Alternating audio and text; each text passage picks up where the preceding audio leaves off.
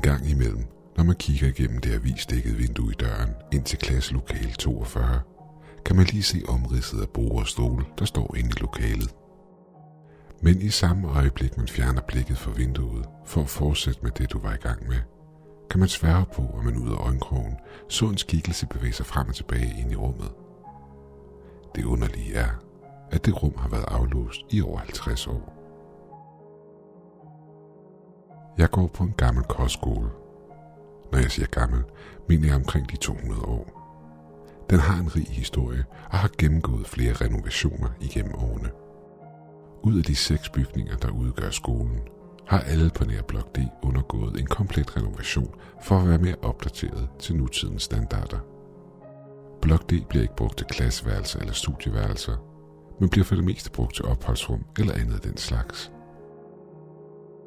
Blok D var en massiv legeplads for os. Vi brugte mange vinteraftener under et tæppe i et af de mange rum, hvor vi fortalte hinanden gyserhistorier. Det samme galt for sommerperioden. Der brugte vi bare tiden på at blive afkølet af bygningens aircondition. Lægerne havde intet imod det og brugte det også som en slags åben område. De 42 rum i bygningen blev også brugt til at studere i. I det vi var gamle nok til at tage vare på os selv, kom lægerne kun rundt en gang imellem for at tjekke op på os. Det eneste problem med blok D var klasseværelse nummer 42. Det lå for enden af gangen på tredje sal, og havde stået aflåst og forladt i så lang tid, at vores nuværende læger heller ikke vidste, hvorfor det var blevet låst. Dog er der en uskreven regel, men håndhævet regel på stedet. Undgå for alt i verden klasseværelse nummer 42. I de fire år, jeg har været på skolen, har ingen så meget som prøvet at dreje håndtaget ind til det rum. Det er låst, og sådan er det bare. Alle vinduer i døren er dækket til med gammel avispapir, der kun lige er tyk nok til, at du kan ane silhuetterne af rummet igennem dem. Og kigger man nærmere på aviserne, kan man se, at de alle sammen er fra 70'erne, hvilket fik os til at drage den konklusion, at rummet har været aflåst de sidste 50 år. Og selvfølgelig er papirerne sat på fra indersiden, ellers havde vi jo pillet dem ned for længst. Lægerne siger heller ikke så meget om rummet. Hvis de ved noget, fortæller de det i hvert fald ikke til os. Og det eneste de siger, er, at vi skal holde os væk derfra, over det er aflåst af en grund.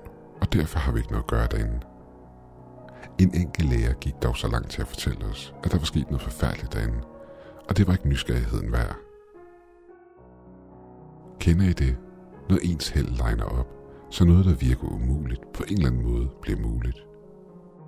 Well, det skete for mig, i det jeg fandt mig selv gå forbi døren til klasseværelse nummer 42. Det var her, det gik op for mig, at nogle af aviserne i vinduet var fjernet. En kuldegysning løb ned ad ryggen på mig. Kig igen. Kig igen, gentog jeg for mig selv om og om igen, i det jeg gik forbi lokalet. Men jeg kunne ikke beherske mig. Inden du kritiserer mig for mit valg og det, at jeg kiggede ind, så forestil dig, at du hver dag går forbi en kasse, der altid er lukket, og som du aldrig ved egen hjælp kunne åbne. Men samtidig med det, så har folk fortalt dig, at der vil være noget slemt inde i kassen. Og en dag du går forbi den, er den lige kun åben nok til, at du kan kigge ind i den. Fortæl mig, at du helt seriøst ikke også vil kigge. Jeg ved godt, hvad jeg havde gjort. For det var præcis det, jeg lige gjorde. Jeg kiggede ind imellem revnerne på papiret, indtil min næsestoppen var for at presse ansigtet tættere på. Alt jeg kunne se, var noget hvidt, der blev skåret igennem af røde linjer, der fortrak sig dybt ind i noget mørkt. Det var først, da pupillen rykkede sig og kiggede mig direkte ind i øjnene, at det gik op for mig, hvad jeg kiggede på. Jeg bakkede hurtigt tilbage og gispede, hvilket fik mig til at falde over min egen ben og falde bagover. Smerte skød op igennem ryggen på mig, i det jeg kæmpede for at komme på benene. Men inden jeg kunne nå væk, opdagede jeg en hånd med aflange fingre viklet sammen i en ankel. Den trak hårdt i mig. Så hårdt, at jeg mistede fodfæstet endnu en gang. Jeg nåede lige at se flere hænder, der kom til syne fra døren, der nu stod en smule på klem ind til klasseværelset, inden mit hoved ramte marmorgulvet, og alt omkring mig blev mørkt. Da jeg åbnede øjnene igen, var mit blik sløret og ude af fokus. En skarp ringen fyldte mine ører, i det mine øjne igen fandt deres fokus. Jeg fandt mig selv liggende på gulvet, imens jeg stirrede op i loftet. I et kort sekund havde jeg næsten glemt, hvad der var sket.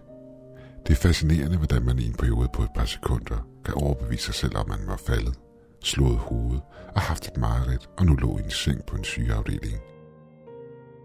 Den tanke blev dog hurtigt afbrudt, da jeg kunne mærke det hårde kolde gulv under mig. Jeg lå på gulvet, sikkert stadig i gangen, så jeg rejste mig langsomt op, imens jeg øvede min ankel. Men inden jeg nåede at få et overblik over, hvor galt det stod til med min ankel, lagde jeg mærke til mine omgivelser. Jeg sank en klump, da det gik op for mig, at jeg befandt mig i midten af det gamle udseende klasseværelse, med slidte træbord og en stødet tavle.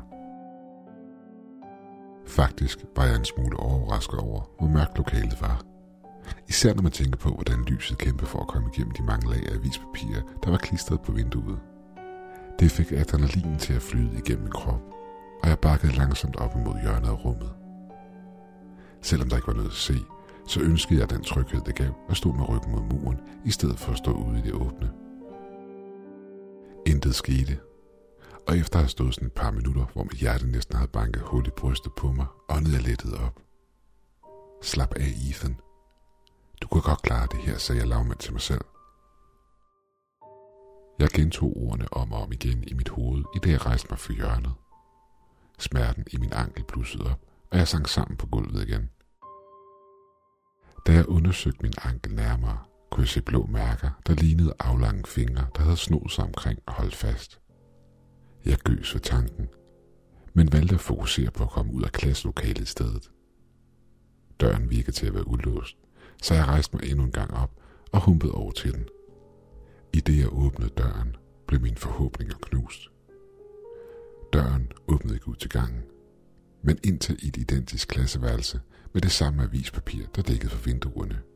Det var som om rummet, jeg stod i, var blevet kopieret og lagt i forlængelse af døren. Jeg trådte indenfor, da jeg ikke rigtig havde noget andet valg. Døren smækkede i bag mig og fik mig til at fare sammen i chok og lægge for meget vægt over på den skadede ankel, i det jeg gjorde mig klar til at løbe, hvilket fik mig til at falde sammen. Ikke ned på gulvet, men igennem det. Kender du de billeder af hypotetiske firedimensionelle objekter? Du ved, dem der får dig til at få en lidt hovedpine, jo mere du prøver at finde hoved og hale i dem. Det var sådan, jeg havde det, da jeg faldt igennem gulvet. Det var som en tyk væske. Men at forestille sig, hvordan og hvorfor jeg faldt igennem det, var min mindste bekymring. Da det hurtigt gik op for mig, at jeg kunne trække vejret. Jeg fortsatte med at synke ned i det absolut mørke, et mørke så intenst, at jeg på et tidspunkt følte, at jeg havde mistet synet, og i stedet følte det, som om jeg konstant faldt. Samtidig med, at det føltes som om, jeg var pakket ind i en million tæpper. Det var i hvert fald sådan, det føltes at falde igennem det totale mørke. Alt imens mine lunger brændte i et forsøg på at få noget ild ind.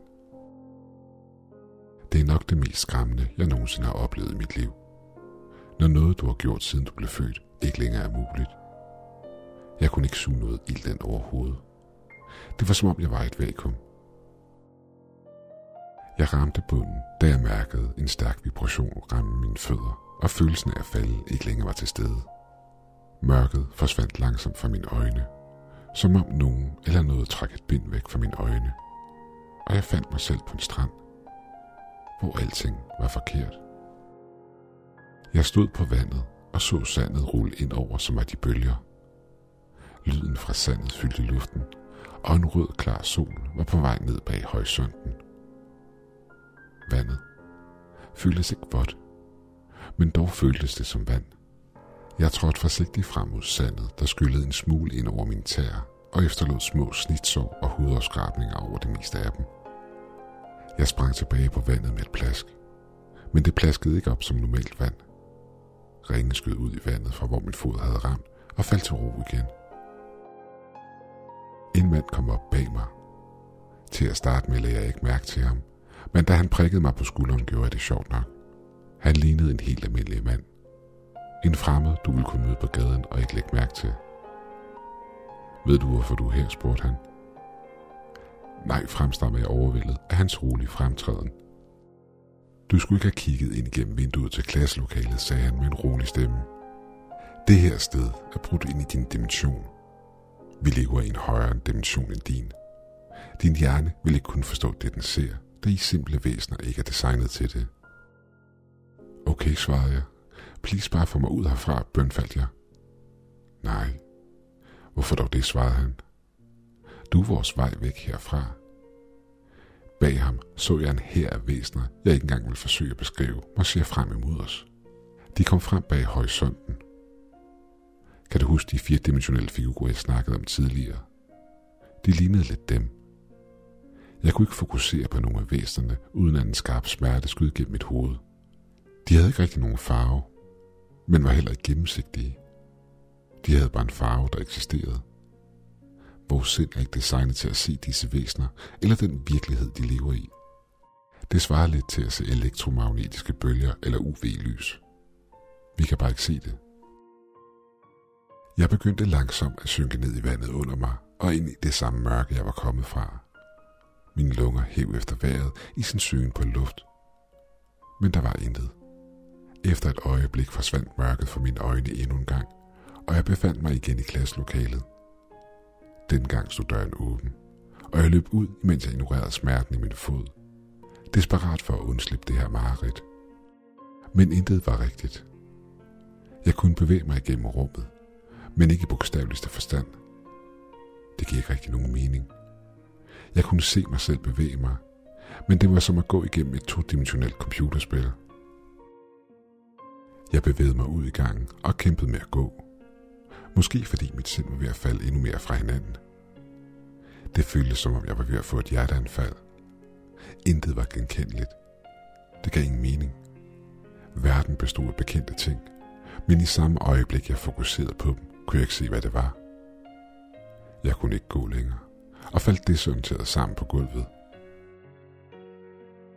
Jeg vågnede op på hospitalet, omgivet af læger og sygeplejersker. Jeg havde åbenbart haft et virkelig hjerteanfald, måske udløst af mit fald på gulvet. Jeg prøvede at fortælle læger og sygeplejerskerne om den underlige strand, og det var faldet igennem gulvet i klasselokalet. Men de ignorerede mig.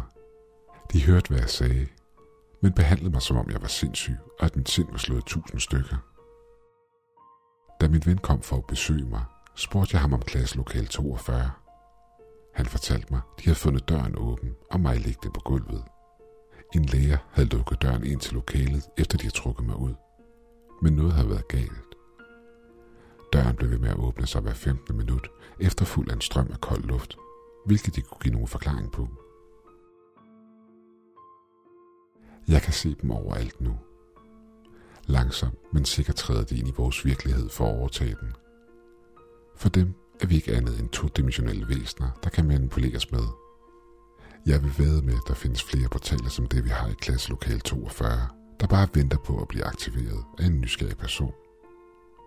Deres virkelighed strømmer ind i vores, og snart, snart vil de overtage den. Manden besøgte mig igen i går, dengang i en anden form. Jeg befandt mig stadig på den psykiatriske afdeling, hvor jeg prøvede at advare læger og sygeplejersker om disse væsener, men ingen lyttede til mig og så bare på mig med medlidenhed i blikket. Ingen så heller ikke manden, i det han trådte hen til min seng og viskede mig i øret. Tak fordi du åbnede portalen. Måske, måske lader vi dig leve.